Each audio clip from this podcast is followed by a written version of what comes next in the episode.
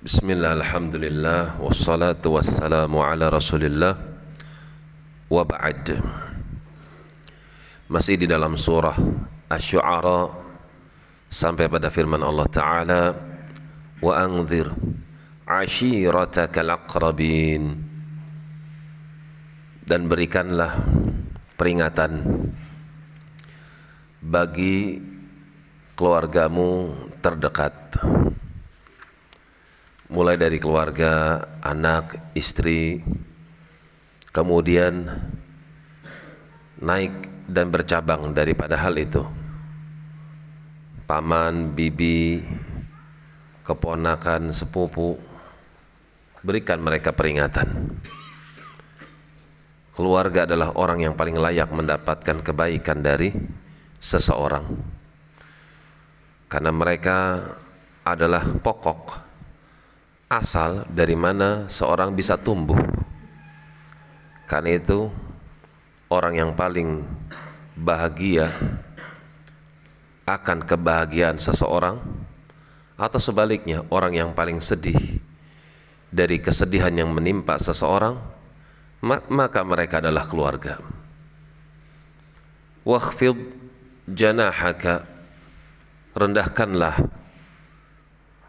dirimu limanittaba'aka minal mu'minin. Rendahkan hatimu.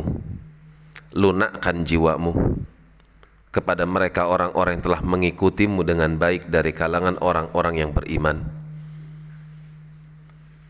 Ketika dua ayat ini turun maka Nabi Shallallahu Alaihi Wasallam memperingatkan keluarga terdekatnya dengan naik ke Bukit Sofa tanpa beliau malu beliau kumpulkan kaum Quraisy dan memberikan peringatan dari atas gunung tersebut.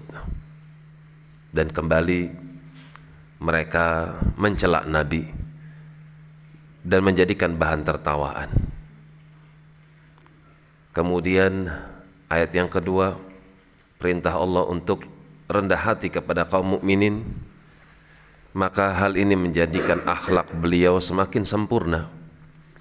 Di mana beliau menjadi orang yang paling lunak kepada orang-orang yang beriman. Rendah hati dan selalu menginginkan kebaikan. Maka beliau adalah tauladan bagi setiap orang-orang yang beriman. Baik sama keluarga dan baik sama tetangga dan baik sama rekan kawan dan sobat di mana dia suka bergaul dengan masyarakatnya. Demikian wallahu a'lam bissawab.